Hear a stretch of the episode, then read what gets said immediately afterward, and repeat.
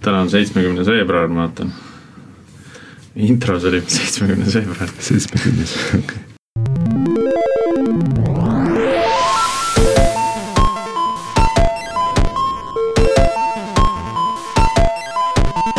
tere taas Algorütmi lainelt, täna on kahekümne seitsmes veebruar, mina olen Priit Liivak Nortalist ja koos minuga on stuudios Sergei Anikin Pipedrive'ist. Tänases episoodis räägime küberturvalisusest ja meiega koos on stuudios Margus Ernits Rangeforce'ist. tere tulemast Algorütmi. räägi endast paari lausega, mida sa Rangeforce'is teed ja, ja mis sinu taust on üldse, millega sa enne Rangeforce'i tegelesid? Rangeforce'is tegelen ma tehnoloogia juhtimisega ja see tähendab tegelikkuses praegu suuresti tööd inimestega. enne Rangeforce'i ma töötasin Eesti Infotehnoloogia kolledžis õppejõuna ja enne seda Swedbankis seitse aastat, mis andis väga hea kogemuse nii tarkvaraarenduse kui turvavaldkonnas. ja juhtisin ka kümme aastat robootikaklubi, mis oli väga fantastiline kogemus minu jaoks. kas, Margus, kas sa praegu lõpetasid ülikoolis äh, õpetamist seoses selle uue tööga? ma juhendan veel mõningaid tudengeid, kes teevad tööd, mis on seotud minu erialaga. Aga ma lõpetasin loengute andmise. sellest on väga kahju, sest, sest ma tean, et äh, sinu loenguid äh, kiideti. Sinul oli kõvasti positiivset feedback'i nendele. aga robootikaklubi? robootikaklubi juhendamine jäi samuti katki kahjuks, aga kui lapsed natuke suuremaks saavad, võib-olla hakkan jälle otsast peale. no nüüd on igatahes võetud äh, suuremad eesmärgid, et äh, Rangeforce, millega Rangeforce tegeleb? Rangeforce ehitab äh, küberõppuste platvormi, nii et me ehitame platvormi, mille peal saab teha küberõppuseid, küberkoolitusi, selliseid miniküberõppetükke. me teeme ise osasid õppetükke, aga me tahame seda platvormi avada järjest rohkem ka teistele, et teised saaksid teha ja ma saan aru, et tegemist on startup'iga, järjekordse startup'iga. jah, kui ma liitusin ettevõttega, siis ettevõtte kõik founder'id otsustasid, et me oleme ikkagi startup, et alguses oli plaan teha selline konsultatsioonifirma, kes aitab ehitada küberrange'e erinevatel suurtel ettevõtetel või riikidel. kuid väga kiiresti toimus mõttemaailma muutus ja me otsustasime, et me oleme ikkagi startup, me tahame teha palju rohkem kui kuskil küberrange, mis on kättesaadav ainult paarikümnele, võib-olla paarisajale inimesele. tahaks teha süsteemi, mis oleks avatud väga paljudele inimestele. ja täna olete, olete seal kohal? Me oleme teel täna oleme teel. kui palju teil inimesi on üldse? meil on, hetkel on kakskümmend kaks Eestis, äh, USA-s on kümme, Inglismaal on üks ja siis äh, ja siis tulemas on veel Euroopas mõningad inimesed juurde ja Eestis kas mujal maailmas on ainult äh, müügiga seotud inimesed või on seal tehnilisi, tehnilisi tiime ka? põhiliselt on seotud müügi, turunduse, finantsiga on USA-s mm, -hmm. aga nüüd meil juba kohe alustab näiteks Serbiast tehniline inimene Serbias. meil on müügi selline tugi, mis on päris tehniline, on ka USA-s olemas ja me järjest värbame USA-sse ka tehnilisi inimesi paistab olevat selline trend startup'ide maailmas, kus see tuumik hoitakse ikkagi kodule lähedal ja ja, ja müük ja turundus ja kõik, kõik need äh, liiguvad siis nii-öelda edge computing'u moel sinna, kus on kliendid. See on täpselt niimoodi, et Eestis on meil vähe kliente, aga nad on tohutult väärtuslikud, sest see tagasiside, mis Eestis saab, seda ei saa mitte kuskilt mujalt, absoluutselt. kui sa peaksid nüüd vanaemale seletama, ühele tüüpilisele vanaemale, et mis asi on äh, see cyber drill, mida, mida te teete ja korraldate? kui vanaemale seletada, siis ma ütleksin, et ma tegelen õpetamisega ja garanteerin, et, et need inimesed, kes peaksid sinu arvutit hooldama, haldama, oskaksid seda teha, nii et häkkerid sisse ei saaks. okei okay,, aga kui sa nüüd seletad seda asja äh, mõnele CTO-le või, või arendajale, et mis siis, mis siis see on, mis te, mida te korraldate?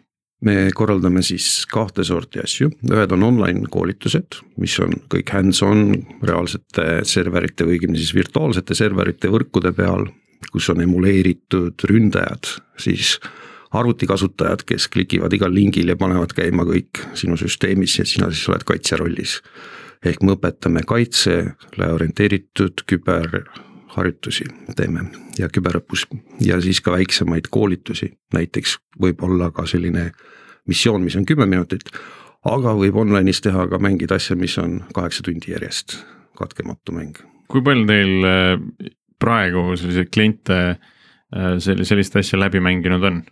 Noh, kui sa mingit suurusjärku oskad mulle öelda isegi, et ma, ma üldse ei hoomagi, et kas neid on kümmekond või, või sadades näiteks seda ühte mängu, mida me tegime, mis oli kaheksatunnine mäng, seda mängiti maha neli tuhat viissada korda üle maailma. ainsad riigid, kust ei mängitud, oli siis Põhja-Korea ja Iraan. no nemad mängisid ka kindlasti salaja, te lihtsalt ei saanud näha seda jah, me oleme blokeeritud mõnes riigis, me teame seda ja ja kokku kasutajaid, kes on meie mänge mänginud, seda, seda arvu ma tõesti ei oska peast öelda, aga neid on päris, päris palju. no see on juba päris muljetavaldav, kui sellist ühte mängu, mis on äh, päris pikk, et, äh, et seda on mängitud siis ligi viis tuhat korda. et inimesed on võtnud selle effort'i, et kaheksa tundi investeerida sinna, et äh, enda küberturvalisuse teemadel treenida siis enda teadmisi. kas see on tasuline või tasuta? see on tasuline, me oleme teinud selliseid teist, teist sorti mängud, mis meil on, kui me läheme ise kohale ja teeme sellise küberõppuse moodi asja. et neid me oleme teinud siis üheteistkümnes erinevas riigis ja päris paljudele erinevatele firmadele. et äh, see on siis teist sorti osa, et ei ole online'is, vaid me läheme ise kohale, siis on nagu rohkem õppuse moodi see mäng ja, aga sealjuures te kasutate täpselt samamoodi mingisuguseid virtualiseeritud äh, pilves olevat äh, infrat, eks ole, või suudate ka on-premise midagi püsti panna? me kasutame samamoodi pilves olevat infrat ja on-premise meil praegu ei ole mitte midagi, aga me teeme tööd selle nimel, et tulevikus oleks mõned seadmed, mille me toome võib-olla kastiga kohale, paneme keset lauda, mis on on-premise. ja meie suured kliendid on seda küsinud, et saaks IoT-d ja igasugused industrial control system'id ka sinna mängu lisada. kuidas, ma, ma tean, et, et selles äh on-premise või noh, firmasises äh, õppuse käigus selgitakse välja ka nii-öelda parimad ja võib-olla mitte nii, nii heade äh, oskustega inimesed, mille järgi nagu see hinnang äh, tehakse, ma saan aru, et see on nagu meeskonnatöö on ju, aga meeskonna sees selgitatakse nagu tugevamat ja nõrgemat liiget meie mängud on osad mängud, mis on meeskonnamängud, kus me alati ei saa individuaalseid oskuseid hinnata, aga osad mängud on sellised, kus, kus me saame. ja mida me hindame, ongi see, et äh, näiteks kui me veebirakendust peab inimene kaitsma, siis see, kes kaitseb, võib teha seda väga erineva meetodiga, näiteks paigates ära siis need augud seal algtekstis. Või siis paigaldades mingisugused tulemüürid või blokeerides ründajad või saades aru, mis rünne toimub ja siis kuidagi sellest ümber minna. ja mida me vaatame, et kuidas inimene seda lahendab ja kas see teadmine levib ka kogu tiimis, sest samasuguseid ründeid me kasutame teiste tiimiliikmete vastu, et me saame aru, et kui keegi näiteks tiimis midagi ära lahendab, kas see teadmine levib tiimis üldse kas tiimitöö nagu toimib mm. -hmm. mõnedes mängudes on sellised ründed, mida ongi võimalik kokku panna ainult siis, kui rääkida teistega ja samas me hindame individuaalset skill'i, meil on unikaalne platvorm, kui väga paljude platvormide puhul antakse lihtsalt tagasi, et sa said mingisuguse skoori mingist CTF-ist näiteks. siis meie anname tagasi teadmise, et inimene oskab seda, näitas, et ta saab selles raamistikus, selles programmeerimiskeeles hakkama vot selle ründe paikamisega. Või siis turvaaugu leidmisega, et meil on nagu evidence-based learning, mida paljudel teistel ei ole, teised hindavad lihtsalt, annavad mingi punktisumma. me teeme seda ka, aga meil on andmeid palju rohkem. kes, kes üldse tuli välja sihukese platvormi ideega? ma arvan, et äh, ma ei tea, kes selle ideega välja tuli, aga kindlasti inspiratsioon tuli tänu Locksilsile. -hmm. ja mina ehitasin IT kolledžis open source süsteemi, et õpetada süsteemi administraatoritel Linuxi administreerimist jõudsin sellega päris kaugele, siis ma läksin Tehnikaülikooli küberkaitse magistriõppesse. seal oli üks väga tore õppejõud nimega Kaur Kasak, kelle aine andis mulle väga palju inspiratsiooni, seal oli selline hands-on süsteem, mis kahjuks oli kättesaadav vähestele mul oli mõte, et ma tahaks seda teha nagu massidesse viia. käisin Locksilsil, aitasin seal natukene võrguliiklust genereerida, sain sealt inimestelt teadmisi ja ideid juurde ja ehitasime IT kolledžis õppejõudude ja tudengitega väikese küberõppuse, väga väikese. ja see osutus väga populaarseks ja kui ma seda demonstreerisin, siis näiteks üks Sonyst tuli üks inimene vaatama, mida meie ülikool teeb. ja ütles, et kuule, et te peaksite selle startup'i tegema, et see on nii äge asi, et tehke midagi, et ärge nüüd jätke seda ülikooli seinte vahele. ja nii see sündis, et needsamad tudengid, kellega ma ehitasin seal küberõppust, töötavad nüüd Rainsforce'is ja mm. -hmm. see esimene asi oli ikkagi selline võrdlemisi põlve peal tehtud noh, POC-i või MVP tüüpi lahendus, eks ole, selle, mis oli nii-öelda handcraft'id selle konkreetse küberõppuse jaoks, on ju. absoluutselt aga nüüd, mis, mis on teie nüüdsed äh, nii-öelda challenge'id, et kuhu suunas te arendate seda platvormi, kas see on mängude juurde tegemine või mingite tehnoloogiliste probleemide, skaleerimise probleemide lahendamine või kuidas? väga suur osa on skaleerimise probleemide lahendamine ja skaleerimine sellisel kujul, et kuidas teha küberõppust ehk cyber range'i ilma cyber range'ita. ehk siis kõik oleks pilves saaks õppuseid tellida siis, kui vaja on, et saaks firma, kellel on kaks töötajat, osaleda õppusel ja samas firma, kus on korraga vaja kakssada inimest võistlema panna, neid õppuseid me oleme teinud kahe-kolmesaja inimesega ühes ruumis. et see kõik skaleeruks sedapidi. ja selle peale läheb päris palju auru ja sellist katsetamist, et me kindlasti oleme mõnes, mõnes asjas oleme täiesti unikaalsed oma tehnoloogiaga, et keegi tei-, kellelgi teisel selliseid asju ei ole. aga kui me nüüd sinna tehnoloogia poole juba tulime, et äh, mis see treening setup seal on, et kui te teete CyberDrilli, see tegelikult ei tähenda ju ainult seda, et äh, Amazonis mingisugused EC2 purgid püsti tõmmatakse ja et nad ei ole ju lihtsalt nagu plain EC2 purgid, sinna te panete ikka oma sellise salajase kastme sisse. täpselt nii ja me kahjuks ei saa Amazoni ega Google'it ega Azure'i otseselt kasutada paljude rünnete jaoks kuna seal filtreeritakse layer kaks üldse välja ja võrguründed seal peal ei toimi.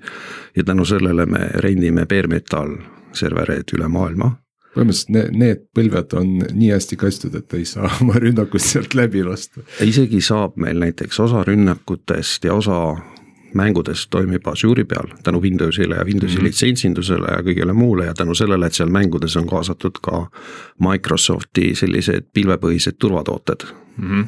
nagu Azure Security Center ja MTP ja kõik, mis on Windowsi maailma sellise teadmise juures vajalikud ja need, need on ka sellised mängud, mis on ainult meil olemas praegu. ja. aga see, need on siis midagi, mis on koostöös Microsoftiga juba kokku pandud või, või? Need said alguse koostöös Microsoftiga, et veetsin Redmondis nädalaid vahepeal ja oli väga tore Microsofti inimestega koos töötada ja mõtlesime välja mängud, mida, mis aitaksid siis Microsofti sisemiselt inimesi õpetada, nende siis threat tiimi ja ja, ja inimesi, kes peaksid siis näitama, kuidas need turvatooted töötavad nagu klientidele aga tuleme nüüd selle, kus me jäime. et paljusid asju ei saa pilves üldse teha, et selle jaoks te rendite bare metalit. mis, mis see bare metal seal vahepeal teeb? Bare metali peale me paigaldame siis võimalikult lühikese ajaga oma tarkvara mis siis kasut-, mis on kokku traageldatud siis erinevatest vabavaralistest tükkidest nagu Linux ja Linux KVM ja Lipirt ja ja sinna peale on tehtud väga palju teenuseid ja see on kohe hajussüsteem esimesest päevast peale, et, et need serverid võivad olla erinevates kohtades üle maailma. ja et äh, saaks siis sadu või tuhandeid virtuaalmasinaid paralleelselt käitada seal peal õppuse käigus. Aga te rendite neid bare metali? me rendime neid ja me eelistamegi selliseid firmasid, kus saab minutitega serveri rentida ja püsti panna. ehk siis see on äh, mõneti selline multi-cloud äh, lahendust isegi, et, et näiteks needsamad Microsofti äh, mängud, mis on osaliselt Azure'i peal, võivad kasutada osaliselt neid, neid bare metal'i peal olevaid virtukaid. Või, või on ikka see mäng pigem nagu selline, kas ta on seal ainult Azure'is või ta on ainult bare metal'is või? ei ole kunagi jah, ainult, ainult ühes süsteemis, et meil ongi, et mäng kasutab mingisuguseid veebiteenused, näiteks leaderboard'id, scoreboard'id meie loodud virtual teaching assistant'id, need on kõik nagu hajussüsteemid, töötavad ühes pilves, siis virtuaalmasin võib olla teises pilves, siis see, kuidas nagu seda kasutajale ligipääs tagatakse, see on kolmandas pilves. et tõenäoliselt, kui panna käima mingisugune keskmine mäng, kus on Windowsi ja Linuxi osa, siis on osa asju Azure'is osad asjad on Google'i pilves ja, ja siis osad asjad on bare metalis, kus on nagu osad virtuaalmasinad töötavad, et see on tõesti nagu täiesti miks igasugustest asjadest tehnoloogiliselt on meil päris lai valik asju nagu platvormi poole peal ja veel suurem valik asju mängusiseselt, sest me peame igasuguseid katkiseid süsteeme ehitama mängu sisse erinevates programmeerimiskeeltes, nii et. Et kui vaadata meie firma suurust ja siis tehnoloogiate arvu, mis meil kasutuses on kuskil mängus, siis see on nagu väga lai lehvik selle suuruse kohta. aga see kui sa nüüd ütlesid, et te peate sinna sisse igasuguseid katkiseid asju arendama, et kust äh, selle jaoks erinevad ideed tulevad, et äh, mida sinna teha? okei okay,, mingisuguse basic listi võib saada ka Ovaspist kätte, eks, aga, aga on, on kindlasti veel neid inspiratsiooniallikaid. täpselt nii, meil on kaks inimest praegu tööl sellega, et võtavad hommikul BookTracki listi lahti ja NetSecurity Redditist lahti ja vaatavad, et mis uut on tulnud ja kui on midagi uut, näiteks paar nädalat tagasi oli OpenBSD Simple Mile Transfer Agent'i probleem, mitte agent'i, vaid serveri probleem, siis selle peale tegime kohe labori. nagu päevadega uute asjade peale ja samamoodi oli sudo killer ja kõik mingid värsked asjad, mis on välja tulnud, kohe nagu ehitame selle peale mingisuguse õppetüki. aga paraku elu näitab, et enamus jamasid, mis me kuskil näeme või näeme, et inimestel on teadmiste puudus, on ikkagi Ovas top ten'i riskide nimekirjast pärit asjad, midagi väga uut ei ole ja kui me alati oleme teinud mingisuguse küberõppuse, siis me tavaliselt äh, fail ime sajaga esimese versiooniga, sest me teeme selle liiga keerulise ja siis me teeme seda mitu raksu lihtsamaks. nii et kui me esimese mängu tegime, siis mõtlesin, et me teeme midagi hästi lihtsat, et noh, lihtsamat teha ei anna, et noh, et. et saab kiiresti valmis ja noh, et, et see on võib-olla liiga lihtne, aga selgus, et see ei ole. keegi ei saanud hakkama. paljud said, aga, aga see protsent on kümme protsenti võib-olla inimestest, kes kohe hakkama saavad mm.. ja need tiimid, kes on saanud erinevat turvakoolitust, OWASP top ten'i koolitust, peaksid seda kõike oskama. Nad tegelikult praktikas panna sinna kaitseseisukorda, kui keegi ründab, siis ikkagi ei osata. ja see on nagu täiesti tavaline. mis, milles seal ütleme siis kõige rohkem puudu jääb, et, et noh, et kas, kas seal äh, tekivad sellised äh, noh, situatsioonilised üllatused, et, et inimene tegelikult ei, ei oskagi reageerida mingitele asjadele nii kiiresti, kui vaja võiks olla. et äh, muidu nagu teadmised on kuskil olemas, aga noh, tal läheks nagu hea paar tundi, et need kuskilt enda mälusoopist välja kaevata. sellise cyber drill'i ajal on ju vaja tegelikult ikkagi võrdlemisi kiiresti reageerida ja mingeid äh, auke kinni panna, ära lappida ja üles leida, eks ole. täpselt nii, see probleem ongi, et inimesed lukustavad endasse mingi, mingi idee peale ja siis maadlevad sellega ja ei suuda omavahel suhelda, et ideid põrgatada ja et siis saada aru, et mis on tegelikult viga ja mida tuleks teha, sellepärast et need asjad, millega nad seal tegelevad, need on need asjad, mida nad tegelikult peaks tõesti oskama. võib-olla mitte nagu võib-olla selles raamistikus, võib-olla mitte täpselt selles programmeerimiskeeles, aga me oleme valinud sellised keeled, mis on suhteliselt lihtsad, me anname piisavalt palju hinte, et keele nagu või raamistiku spetsiifika sealt mängust ära elimineerida ja ikkagi inimesed jooksevad kinni ja mida mina olen isiklikult näinud ja märganud, on see, et need inimesed, kes ei jookse kinni nii kergesti, nendel on mingisugune DevOpsi või mingisugune mindset olemas, et nad ei ole kinni oma silos väga kitsa tehnoloogia ühe raamistiku, ühe idee peal.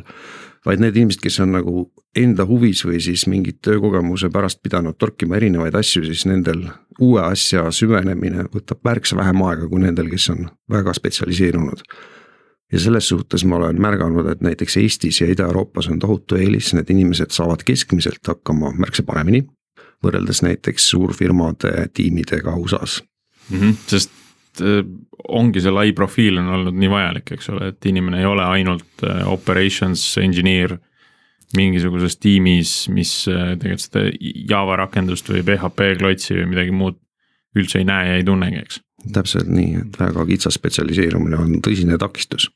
ma võtsin praegu selle OWASP top kümme nimekirja, äkki me saame kiirelt üle käia, äh, mis need on, jällegi brute force ime siin natuke. nii, äh, toome võib-olla näiteid, on ju, man in the middle attack, mis see on? kui keegi istub näiteks võrgus vahel või, või kasvõi sinu enda arvutis vahel ja võtab sinu liikluse kinni või modifitseerib andmeid või siis äh, saab neid andmeid kätte ja see, seda tüüpi rünne on nagu üsna nagu levinud ja väga Kuidas palju kasutatav. võideldakse? tegelikult ähm, nende rünnetega on niimoodi, et ei ole sedasi, et on üks meetod, et nüüd selle ründe vastu ma sedasi võitlen. Et seal on olemas mingid üldised printsiibid, mis on kasulikud päris mitmete rünnete vastu võitlemiseks, et sedasi ei saa security't selgeks õppida, et ma ütlen, et nüüd man in the middle'e vastu sa teed seda, teist ja kolmandat, sellist mm. checklist'i ei ole olemas. aga ma mõtlen, no üldiselt mi, minu lihtsa nii-öelda CTO arusaama järgi, kui sul äh, kliendi ja serveri vahel on äh, krüpto äh, ja sa suudad verifitseerida no, mõlema poole identity't, siis man in the middle on peaaegu et, et impossible või, või ma eksin? jah, eksid, sellepärast okay, et esiteks on brauserid usaldavad sertifikaate. kui ma tahan näiteks sinu võrgus vahel olla, siis ma tõenäoliselt katsun sokutada sinu brauseritesse mingit sertifikaati või siis nagu nagu ma olen ühes ettevõttes näinud, on võimalik sokutada profiili, mis tõmmatakse pähe kõikidele sisse loginud kasutajatele, mingisugune enterprise ahelasse sertifikaat, mida kõik brauserid automaatselt usaldavad ehk siis see krüpto lihtsalt. selle vastu võidelda? jah, see ongi, et ei ole ühte sellist vahendit okay., aga, aga lihtsalt ongi, et brauserid vaikimisi usaldavad teatud sertifikaate. ja kui on tegu krüptoga, siis kõik taandub ikkagi võtmehalduse peale, et kui keegi kontrollib seda võtit. või siis teine asi on see, et sinu random ei ole piisavalt hea, siis ikka saab vahele, et, et see automaatselt, et on krüpteeritud, ei taga midagi väga hea, võtame järgmise, brute force attack. väga levinud jällegi ja meie õppustes ka nagu kasutame seda, et me kuskile jätame kas vaikimisi parooli või siis lihtsa parooli ja siis meie bot'id brute force ivad selle nagu kergesti ära. et põhimõtteliselt Siin... see on nagu, sa üritad äh, erinevat, erinevaid paroole pro,, noh proovid lihtsalt läbi, on ju, ja, siis mis see tüüpiline kaitse selle vastu on? tegelikkuses äh, tuleks nagu igal pool aru saada, et paroolid on oma aja üle elanud ja ainus võimalus on mitme, mit-, mit-, multifactor authentication juurutamine, selle juurutamine, et selle mm. et, et ükskõik, kuidas inimestele rääkida, et ärge reuse ige paroole, pange keeruline parool. inimesed kas ei tee seda ja kui on suur ettevõte, siis on mingisugune protsent inimesi, kes ei tee ja igasugused pass, paroolipoliitikatega sundimine, et inimene vahetab neid paroole, ei pruugi olukorda paremaks teha, vaid võib teha lihtsalt halvemaks, inimesed kasutavad, tuletavad oma parooli mingi mustri järgi või siis on see kuskil kirjas. et siin nende vastu aitab siiski multifactor authentication. ühesõnaga brute force on sisuliselt äraarvamine on ju ja äraarvamine on, on tänapäeval suhteliselt lihtne mis tähendab, et sul peab mitu faktorit olema, et äh, ja. tõest-, tõestada, et sina oled sina. ja, ja eks ta äraarvamine ei tähenda ainult paroole, vaid arvatakse ära ka seda nagu parameetreid, post'i parameetreid ja näiteks äh, isegi kui tundub, et tegu on mingisuguse random numbriga, siis äh, vahepeal süsteemides ei ole see random ja seda saab brute force ida ja, ja saada kätte kellegi teise andmed tänu sellele, et nii, buff, buffer overflow. puhvri ületäitumise rünne kasutatakse ära seda, et näiteks programmeerimiskeeles C kirjutatud programmid ei tegele automaatse mäluhaldusega, mis tähendab, et on võimalik üle kirjutada mingisugusele muutujale eraldatud mäluosa. kirjutades üle sellele järgnev osa võib-olla mingisuguse koodiga, mida saab käivitada ja siis trikitatakse süsteemi see kood, mis on kirjutatud puhvrisse nagu käivitama see on nagu lihtsam meetod, kaasajal see nii lihtne ei ole, sellepärast et kasutatakse seda, et puhvrit ei saa käivitada otseselt. aga sellest saadakse ka üle return oriented programming uga, et, et laetakse sinna, leitakse kuskilt mujalt binaarist gadget'id, mida saab käivitada ja laetakse puhvrisse siis nende väljakutsumiseks vajalik informatsioon ja ikkagi minnakse üle sellest buffer overflow tavalisest kaitsest. ja põhimõtteliselt idee järgi peaks selle vastu aitama kasutamine siis mingisuguste teiste programmeerimiskeelte kasutamine, mis mäluhaldusega tegelevad. ühesõnaga ärge kirjutage C keeles. no ka Javas on üsna palju äh, äh neid raporteid just äh, erinevates teekides, kus on. Heap overflow. jaa, kus, kus leitakse mingisugune viis äh, välise koodi käivitamiseks selle, selle teegi raames muidugi see eeldab tihti, et seda teeki kasutatakse mingil väga spetsiifilisel viisil selles äh, Java koodis endas ka. et äh, väga tihti see ei pruugigi üldse rakenduda, aga noh, see risk on alati olemas, eks. jah, võtame järgmise, käime kirjalt, äh, cross-site scripting. ehk siis mingisugust veebi content'i süstitakse kuhugi või insektitakse kuhugi veebisaidile või mitte veebisaidile, näiteks mingisuguse fat rakenduse sisse ja mida ikkagi renderdatakse nagu veebi content. ja see nimi natukene nagu on eksitav, see cross-site scripting tegelikult ongi nagu, nagu veebipõhise content'i. see ei pea olema skript, see võib olla igasuguseid muid asju ka. aga kaitse? selle vastu on väga palju erinevaid meetodeid leiutatud, kuidas kaitsta, et, et äh, aga tegelikkuses on seal ikkagi universaalne meetod on see, et et ühtegi sisendit ei tohi usaldada ja kõik sisend tuleb nagu rehaga üle käia selle whitelist'i pihta või siis selle lubatud sümbolite ja lubatud see content'i pihta, mis seal nagu võiks olla. et, et tegelikult see on ikkagi nagu kasutaja sisendi validation ja mitte, mitte nagu ühtegi noh, et on küll leiutatud igasuguseid teeke, näiteks Ovaspil on teek, et saaks automaatselt reha teha ja, või XSS-i nagu vältida, raamistikud üritavad automaatselt seda vältida. aga probleem on selles, et andmed tulevadki erinevatest allikatest ja see käivitus võib toimuda mingis rakenduses, mis ei ole sinu kontrolli all, aga andmed on sinu rakendusest pärit. kas, kas sellega seotud on ka see lugu, kus äh, USA mingi kiiruskaamerate süsteem tõmmati maha sellega, et mingi tüüp suutis enda numbrimärki inject ida mingisuguse jup, jupikoodi, mis, mis põhimõtteliselt seal tehti pilt, äh, töödeldi ära ja siis pandi, pandi käima justkui taustal. Kas, kas see on legit lugu või see on mingisugune linnalegend? Äh, ma kahjuks ei tea, aga tõenäoliselt äh, on see võimalik, et ma ei näe mingit põhjust, miks ei saaks inject ida erinevatesse kohtadesse. sest äh, sisendi kontroll on väga universaalne eksimuse meetod, et, et kui ma seda ei tee, siis, siis ma tõenäoliselt tõmban häda kaela, et ma ei tea, kuidas see konkreetne lugu on, et kas see on teine, teine li, linnalegend äh, käib äh, pangamaksete kohta, kus, kus sa sooritad makse ja selgitusväljasse paned väikse JavaScripti, mida käivitatakse siis saaja panga veebilehel näiteks saata, väikse alerti saata talle mhm, et saaja võtab enda maksete väljavõtte ja siis seal selgituse, selgituse kood pannakse tegelikult hoopis käima. just jah, see on võimalik usaldada teisest kohast tulnud andmeid. ja, ja see ongi see, et see ei ole ainult eh, sinu konkreetne veebirakendus, mis eh, eh, peaks oskama nagu seda XSS-i ära parssida, vaid, vaid kõik süsteemid, kustkaudu on võimalik andmed süsteemi sisse saada, peavad seda tegema.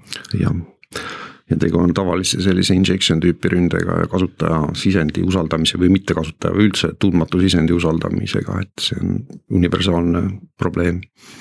nii ja mille poolest on äh, cross-site request forgery siis erineb sellest äh, XSS-ist? Cross-site request forgery's kasutatakse näiteks ära seda, et äh, et kui infosüsteem on niimoodi tehtud, nagu siin Eestis on olnud lugusid, et kuskil lingis klikates mingi andmeelement näiteks kustutatakse või siis mingisugune analoogne asi toimub, siis piisab nagu lingi saatmisest teisele inimesele, kes on süsteemi sisse loginud, ta klikab seal lingis ja kustutatakse, noh niimoodi ei tohi kunagi süsteemi teha, et selle peale midagi kustutatakse, aga noh, sedasi on olnud, aga põhimõte on selles, et kasutatakse ära, et keegi on brauseris juba sisse loginud ja siis äh, saadetakse talle kas link või JavaScript, mida ta siis käivitab, teeb selle post'i automaatselt, kui ta loeb seda emaili mingisuguse kehva emaili kliendiga, mis selle kõik käima paneb. või siis ta klikkab lingil ja kui ta on sisse loginud, siis veebirakendusel ei pruugi olla mingisugust võimalust aru saada, et kas see oli nüüd legit lingi klikk, et nüüd muuda siin vormis midagi või siis mitte.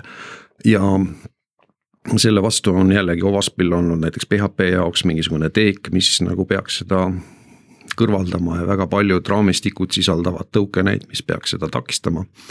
ja on erinevad meetodid, kuidas sellega võidelda, aga see on tegelikult väga ohtlik rünne, et kuigi seal peab tundma seda veebirakendust, aga see ei ole tavaliselt häkkerite jaoks probleem, eriti kui on tegu üldkasutatava levinud rakendusega ja seda võib ka ta, taustal ka teha, et tegelikult sa klikad lingile, vaatad, loed mingisuguse artikli, aga taustal tegelikult käivitatakse ka sinu äh, mingisugust tege-, tegevust te, hoopis teises rakenduses. täpselt nii jah, ja, ja see on nagu rünne, mida tihti alahinnatakse minu arvates ja muidugi kõik need kaitsemeetodid, igasugused token'id ja muud asjad äh, lõpetavad koheselt nagu toimimise, kui on veel lisaks XSS rünne sees, nii et selle XSS-i või siis veebi content'i inject imisega saab sellest cross-site request force'i vastastest token itest tihti mööda. nii, võtame järgmise, SQL injection. see on vist üks lihtsamaid, levinumaid asju üldse äh,. jah. selles mõttes levinud, et teadlikkus sellest on kõrge. ei ütleks. ei ütleks? ei ütleks no näiteks ma soovitaks proovida meie süsteemis NoSQL injection laboreid ja mm. selliseid mm. asju, mille teadlikkus ei ole enam nii kõrge. see ei ole kindlasti kõrge jah. ja tegelikkuses peaks see olema teoreetiliselt juba ammu maha tapetud nagu vekt- või noh, nagu risk, aga, aga ta ei ole siiski. aga kirjeldame ära, kuidas see toimub. jällegi samamoodi suudetakse süsteemi sisestada enda andmeid selliselt, et mingi SQL mootor käivitab neid, kasutab neid kui käske ja paneb need käima. ja sedasi on võimalik andmeid õngitseda või siis muuta sõltub siis sellest, kui, kui katki see süsteem on, tihti saab andmed kätte sellega. tüüpiline on see, et, et äh, sa parameetri sisse paned äh, nii parameetri andmeid kui ka oma SQL-i, põhimõtteliselt sa lõpetad eelmise SQL-i ja, ja paned lisaks veel oma SQL-i sinna otsa parameetri väärtuseks ja siis need süsteemid, mis ei oska äh, või noh, tavaliselt need süsteemid, mis panevad SQL-i lihtsalt liites string'id kokku lõpetavad sinu SQL-i käivitamisega, et noh, nii, nii, nii palju kui mina tean, tavaline on kaitse selle vastu on parameetrite bind imine nii-öelda raamistikes. See on täitsa õige, et kui eraldada siis nagu see SQL ja see sisend sellest SQL-ist, mis käivitatakse kas siis mingisuguse andre, andmeabstraktsiooni kihiga, mis, mida siis raamistikud pakuvad. või siis kasutada bind itud või parametriseeritud SQL-i, siis see nagu võiks aidata, aga Nii. näiteks order by taga olevaid asju ei saa parametriseerida, noh näiteks mm. -hmm et see, nagu alati ei õnnestu. küsid kasutaja käest, et mille järgi me siis sorteerime, põhimõtteliselt sa kohe avad selle SQL injection'i võimaluse, võimaluse., väga hea. nii ja nüüd tulevad siuksed võib-olla vähem äh, tehnilised, aga ikkagi on äh, suht äh, kriitilised asjad nagu social engineering attack see maailm on niivõrd suur, mis selle taga on, et. Aga toome võib-olla noh, mõned siuksed prominentsemad näited. Mul Just. praegu ei tulegi nagu pähe, et see nagu nii palju nagu see võimalusi, et kuidas nagu saab sellega midagi nagu halba teha, et. midagi oli Apple'i Care'iga või Apple'i äh, teenindusega, kus äh, oli võimalik võõraid krediitkaardi andmeid kuidagi kätte saada jaa, see on üks asi, et aga et, et, et tihti on social engineering uga sellised asjad, et selle läbiviimiseks ei pea olema mingisugune suur IT-spetsialist, vaid peab nagu hästi mõtlema lihtsalt. ja ja selle vastu ei ole nagu mingisugust väga head tehnilist kaitset, vaid selle vastu aitab ainult ka nende inimeste mõtlemise õpetamine või siis nagu inimeste harimine. üks, üks hea näide on, on ka see, et, et ütleme, sinu firma raamatupidaja, kui sina oled firma juht ja keegi sinu nimelt saadab raamatupidajale emaili ja ütleb, et, et mul on kriitiline olukord, kanna palun firma kontolt minu isiklikule kontole väikse või suure summa. avanssi. avanssi. ma tahan avanssi saada nagu, aga ma tahan teisele kontole saada, ma tahan sellele veidrale kontole saada. oma just, sõbra kontole tahan ja siis, siis saadab selle, kirjutab Sergei, aga paneb S-i asemel viie. Ja või noh, selles mõttes, et sa saad ju nime ja päris emaili ühesõnaga teed mingi, mingi emaili jah, fake emaili, kus, kus sa saad. jah, selle laienduseks on ka siis emaili vestluse kaaperdamine, mida on nagu tehtud, et, et saadakse email kätte ja siis vastatakse sellele väga usutava tekstiga ja siis return address on tegelikult natukene muudetud ja edasi läheb kogu conversation sinule ja. ja ehk kui ründajale ja siis võetakse, jätkatakse samas vaimus, et nüüd on meil konto muutunud või siis, et palun kandke raha ja. nii, phishing attack.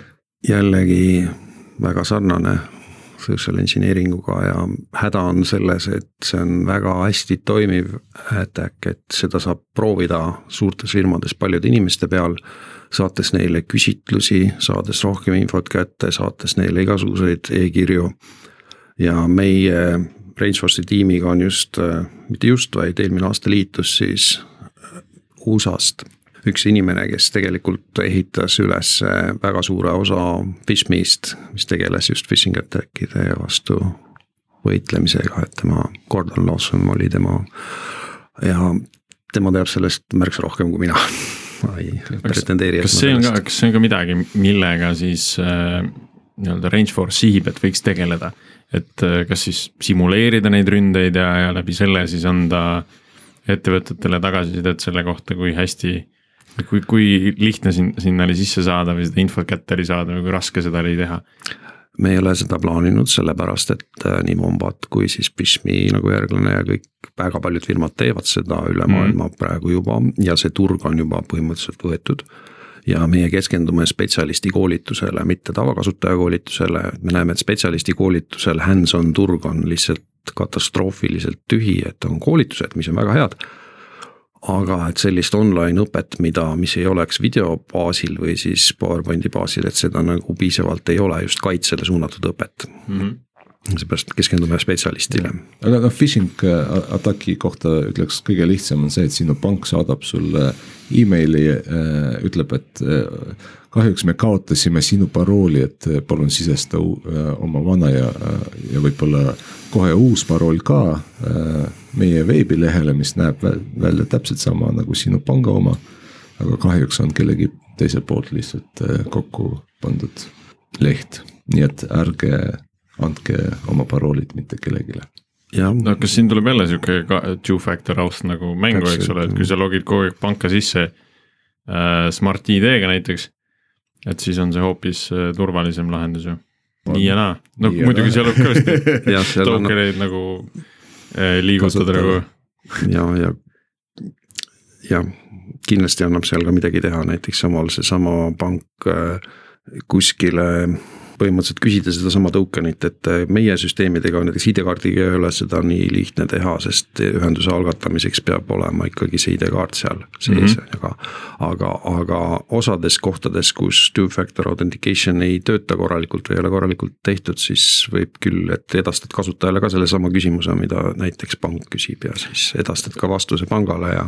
no samamoodi võib ju ka siis võib-olla lihtsam on isegi seda, seda CEO-d äh, äh petta siis läbi selle, et saadad raamatupidaja poolt selle fake emaili, et kuule, et äh, mul on vaja siin panka sisse saada, et ole hea, pane mobiil-ID-sse PIN sisse, et ma kohe saadan sulle request'i, eks.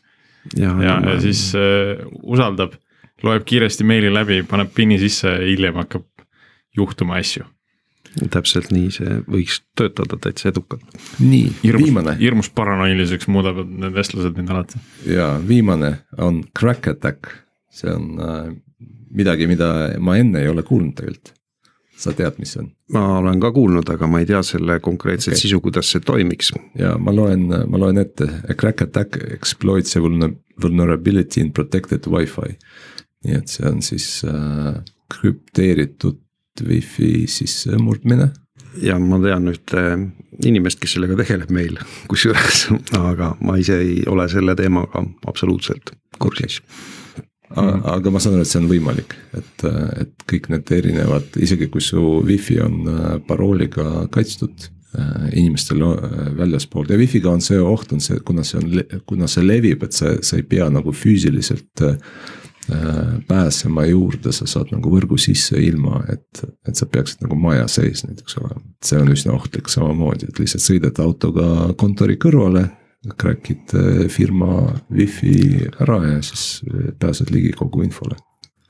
jaa, eh, tegelikult on jah, neid meetodeid on lausa rohkem, et paned oma fake access point'id püsti ja küsid parooli ja teed igasuguseid asju tegelikult, et. et, et seda ei maksaks üle tähtsustada et ainult seda attack'i tüüpi, aga, aga see, et ma saan nagu firma wifi's tekitada mingisuguse kaose, see ei, ei ole väga suur keerukus, kasvõi see, et wifi muutub kasutamiskõlbmatuks alates sellest, kuni lõpetades sellega, et.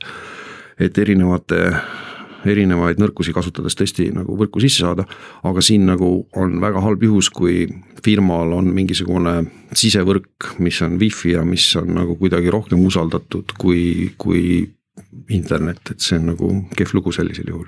okei okay., äh, üks äh, mõte, mida mina olen aeg-ajalt põrgatanud, noh, see, see tuleb mulle ikka pähe tagasi erinevate, erinevates vestlustes, on selline äh, sisemise CyberDrilli tegemine sellise chaos monkey stiilis äh, äh, lahendusena, et et täiesti suvalisel hetkel, eks ole, võtad enda tiimi, enda arendustiimi ja ütled, et äh, kuule, et ma sain just kliendilt kirja, et äh, meil on mingisugune breach olnud. noh, et, äh, et kliendil on seal, ma ei tea, Mihkel, eks, ja keegi logis Mihkli kontoga sisse ja kõik on jumala valesti, noh. et, et kas see tiim saab nagu aru sellest, et kas neil, sellel tiimil on piisavalt siis koostöövõimet esiteks, et see asi nagu välja kaevata, et see on fake. kas neil on piisavalt infot, ma ei tea, logides ja igal pool mujal, et seesama asi välja kaevata, aga noh, et, et teha seda sellisel ad hoc baasil niimoodi, et äh, võib-olla klient teab, et kui, kui see tiim hakkab nendega suhtlema, et noh, klient teab, et see on nagu selline eksperiment, eks ole. aga tiim ei tea, et, et selles mõttes see on nagu selline natuke nagu chaos monkey moodi, et see tundub, tundub selline, sellisele eksperimendi või katse all olevale tiimile nagu reaalne situatsioon nagu mingil täiesti suvalisel ajahetkel. et äh, mis sa sellisest mõttest arvad, et, et kas see aga võiks see on olla, väga kasutatav põhimõte firmades, et seda kas, kas seda kasutatakse ka või, ja või loomulikult kasutatakse. et, et see on samamoodi nagu sihuke nagu Re- fish me, et, et täpselt. pannakse nagu proovile tiimi äh, sellises simuleeritud olukorras, eks. jaa, aga see erineb nüüd sellisest õppekeskkonnast just sellepärast, et tegelikult ikkagi üritataksegi reaalsesse firma sisevõrku saada või arvutitesse sisse saada ja testitakse seda reaalset süsteemi rünnatakse ja loomulikult ei tohi sellest teada need inimesed, kes selle süsteemi kaitsmisega tegelevad, vaid Mhm. ainult juhtkond võib teada või siis vähesed inimesed. sest noh, sellel turvalisusel on, on, on mitu poolt, eks, et kui sa ütlesid ka, rääkisid sellest äh, nõrkadest paroolidest, noh piisab ka sellest ju, kui väga väiksel protsendil on, on nõrgad paroolid. kui meil on kümme admini ja kahel on nõrgad paroolid, et see on juba nagu päris halb.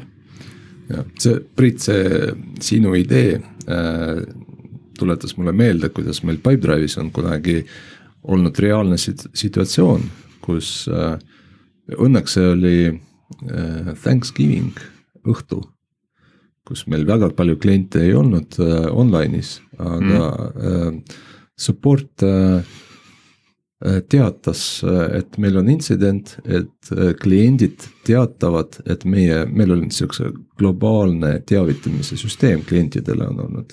ja kliendid on saanud ühe sõnumi, mis äh, ei olnud äh,, ei olnud väga corporate sõnum, sõnum äh,, et oli no. suht privaatne sõnum, aga seda nägid kõik meie kliendid mm. -hmm. et oli väga kahtlane situatsioon. Äh, oli väga kahtlane situatsioon ja ütleme ausalt, mul tõusid karvad püsti, sest ma noh, ma ei teadnud, kust nüüd hakata otsima, see nägi välja täpselt äh, niimoodi, nagu see oleks olnud mingisugune sissemurde meie süsteemi ja keegi on lihtsalt nalja pärast on pannud selle õnneks selgus, et see oli ühe meie töötajatest äh, nali, mis äh, noh, jällegi ta eksis nii-öelda käsi, käsitsi panna, tahtis seda ühele teisele töötajale panna sõnumina. Mm..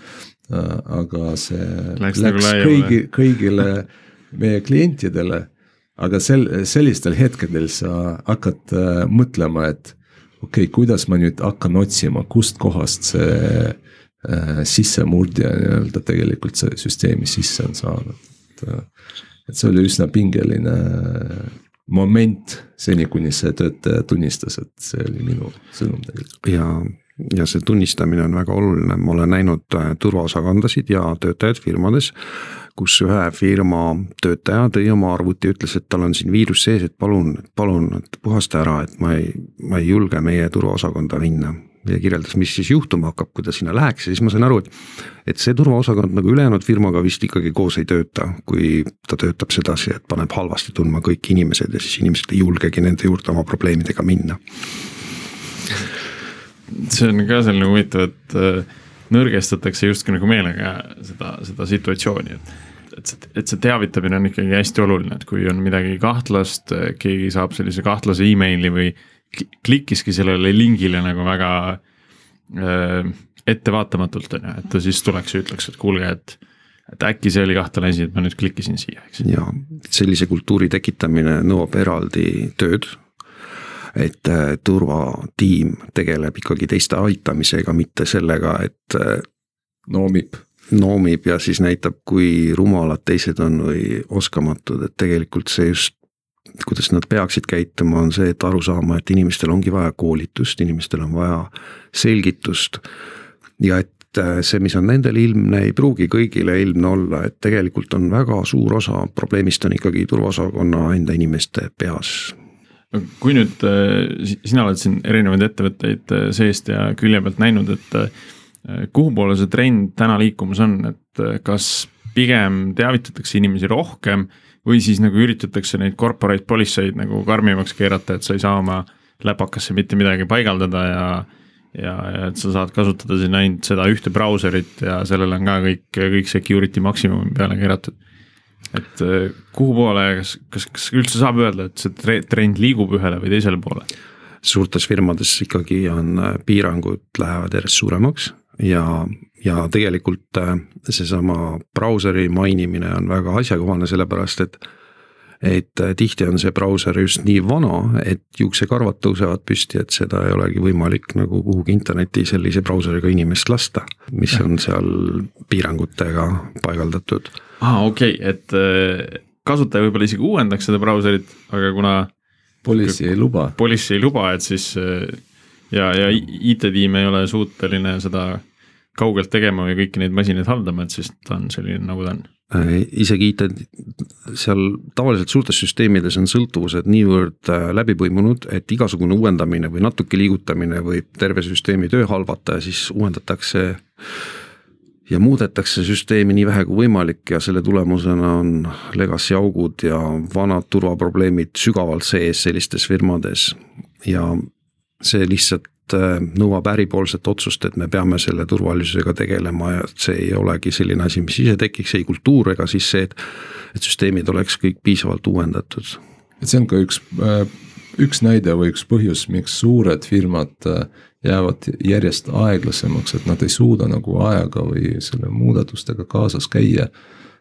kaasa arvatud see läbi põimunud äh, nagu keeldude peale orienteeritud äh, kultuur on see, mis, mis ei võimalda nagu firmadel äh, konkureerida väiksematega, mis on cloud first, nad saavad aru, et, et internetis on wild, wild west ja nad peavad äh, hästi palju tegelikult panustama kaasaegsetele turvameetmetele, mitte lihtsalt keelamisele. sest keelamisega sa ei saavuta, saavuta mitte midagi. see tundub nagu ainult pool võitu olevat on teatud meetodid, mida tõesti peab nagu enforce ima või siis peale sundima, seesama mitmefaktoriline autentimine. ja siis äh, sellised tavalised printsiibid, et, et mul ei oleks rohkem õigusi, kui mul töö jaoks vaja läheb ja aga samas nagu ainult selle keelu enda pärast mingisuguste asjade enforce imine, kuna see on mingis policy's kunagi sees olnud või siis arvatakse, et see on hea. siis see jah, mingisugust turvalisust tõesti ei taga, aga inimeste töömeetodeid segab või siis inimeste tööd ja motivatsiooni tõsiselt halvab, et ma näen küll seda trendi, eriti suurtes firmades ja inimestele sellepärast enterprise'is töötada tihti ei meeldigi. oskad sa näiteid tuua headest nii-öelda praktikatest või kus, kus ettevõtetes sa oled näinud äh, sihukest parajat nagu balanssi? eks ikka Pipedrive'is, ega siin okay. ei ole midagi muud seda ma ootasin. seda, seda, see, kuidas Jess üritab seal nagu seda turvat tagada, ei ole tavaline. ma olen näinud ettevõtteid, väga suuri, keskmiseid ja siis inimesed, äh, nad, nende nagu nende nagu eesmärk tihti ei ole sellise turvakultuuri tekitamine ettevõttes, et see ei ole nende jaoks oluline enamus, enamus juhtudel ja see on nagu kurb. aga Pipedrive on selles suhtes hästi äge. ma tean jah, et, et äh, Jesse, kes on meie siis äh, pea security inimene, vastutab äh, nii compliance, cyber security kui ka nii-öelda kultuur, turvalisest kultuurist, ta ta ühelt poolt äh, saab aru, et, et äh, ettevõte peab äh, hästi agiilne olema ja liikuma hästi kiiresti ja. ja mida rohkem me piirame või mida rohkem me neid reegleid paneme, seda vähem inimestel nagu agiilsust on, aga, aga teiselt poolt on vaja ikkagi tagada seda, et, et kõik põhiasjad on, on meil ära kaitstud. ja mida ma saan veel öelda, ma ei tea, kas ma tohin, aga et et mul on nagu, ma näen nagu erinevat taset samadel õppustel üle maailma väga paljudes firmades ja ja Eesti firmad ja on nagu selles suhtes märksa paremal seisus, kui, kui nagu võib-olla nad ise siin kohapeal arvavad. et see turva keskmine tase, mis on näiteks USA-s või, või, või lääne pool või siis ka kuskil kaugel idas on märksa kehvem, tiimide hakkamasaamine rünnetega on märksa viletsam. Ja, selles suhtes on nagu Eesti on väga heas kohas ja samas ka näiteks mitmes erinevas firmas Praha tiimid on tõeliselt super head olnud, et mitte ainult Eesti, aga keskmised on, keskmine tase on palju kõrgem, kuigi nagu rääkides siinsete turuinimestega, tundub, et kõik on nagu hästi halvasti mm. -hmm. ja. no see on, see on kuidagi selline eestlaslik mindset, et alati võiks nagu paremini, tahaks nagu veel rohkem. absoluutselt nagu..., ma arvan, et mida rohkem sa tead teemast, seda noh rohkem sa saad aru, et, et mida veel on vaja teha ja noh, kuhu poole pürgida, on ju, kui sa ei huvitu, kui sind nagu, sa ei muretsegi, on ju. no siis sa saad teada neid asju, mida sa ei tea, eks ole. Kui sa ei tea, mida sa ei tea, siis äh, kõik on hästi, siis on õnnis teadmatus. tõmbame vaikselt siinkohal, ma arvan, äh, otsad kokku ka. Margus, kui sa saaksid veel anda ühe soovituse äh, Eesti tarkvaraarendustiimidele, siis, siis mis see oleks? veendke oma tiimliide, et inimesed peavad saama aega õppida, mitte ainult turvat, vaid õppida ja panna enesearengusse pidevalt aega ja ressurssi ja et tiimid kontrolliks, et inimesed areneksid. Sellega areneb nii turva kui üldine tarkvaraarendustase. see on hea, hea soovitus, hea mõte. nii äh,, aga nüüd äh, enne kui me lõpetame, me tulime välja siin Priit ja Tiiduga arutades äh, ühe uue drilliga, et äh, teeme väikse hästi kiire küsimuste raundi, et äh, niimoodi ringiratast, mina küsin Priidu käest, äh, Priit küsib äh, Marguse käest, Margus küsib minu käest äh, ühe küsimuse ja vastuseks on kakskümmend sekundit. Nii, Priit, Priit, mis raamatu sa lugesid security teemadel viimati? see on keeruline, ma arvan, et security teemal vaata ei olegi spetsiaalselt vist raamatut äh, viimati lugenud, ma arvan, viimased äh, siuksed neli-viis on kõik äh, kuskile teistesse teemadesse läinud. pigem siuksed juhtimisteemad olnud viimasel ajal. väga hea vastus. Margus, mul on üks äh, põnev küsimus, et räägi sellest, kuidas teie enda süsteeme on üritatud rünnata, kasvõi nende drillide käigus meie süsteemi ja ka skooringut on alati ja. üritatud üle võtta ja rünnata ja petta selles suhtes, et, et, et saada nagu paremaid punkte. näiteks üks, üks näide on see, et meid on üritatud DDoS-ida koolituse ajal, et aru saada, et kui, kuidas me ise vastu peame. ja teine, et näiteks kui on vaja pahevara leida või selle räsi, siis on arvutatud räsid kõikidest binaaridest ja postitatud meie skooringusse, mõeldud, et äkki aitab.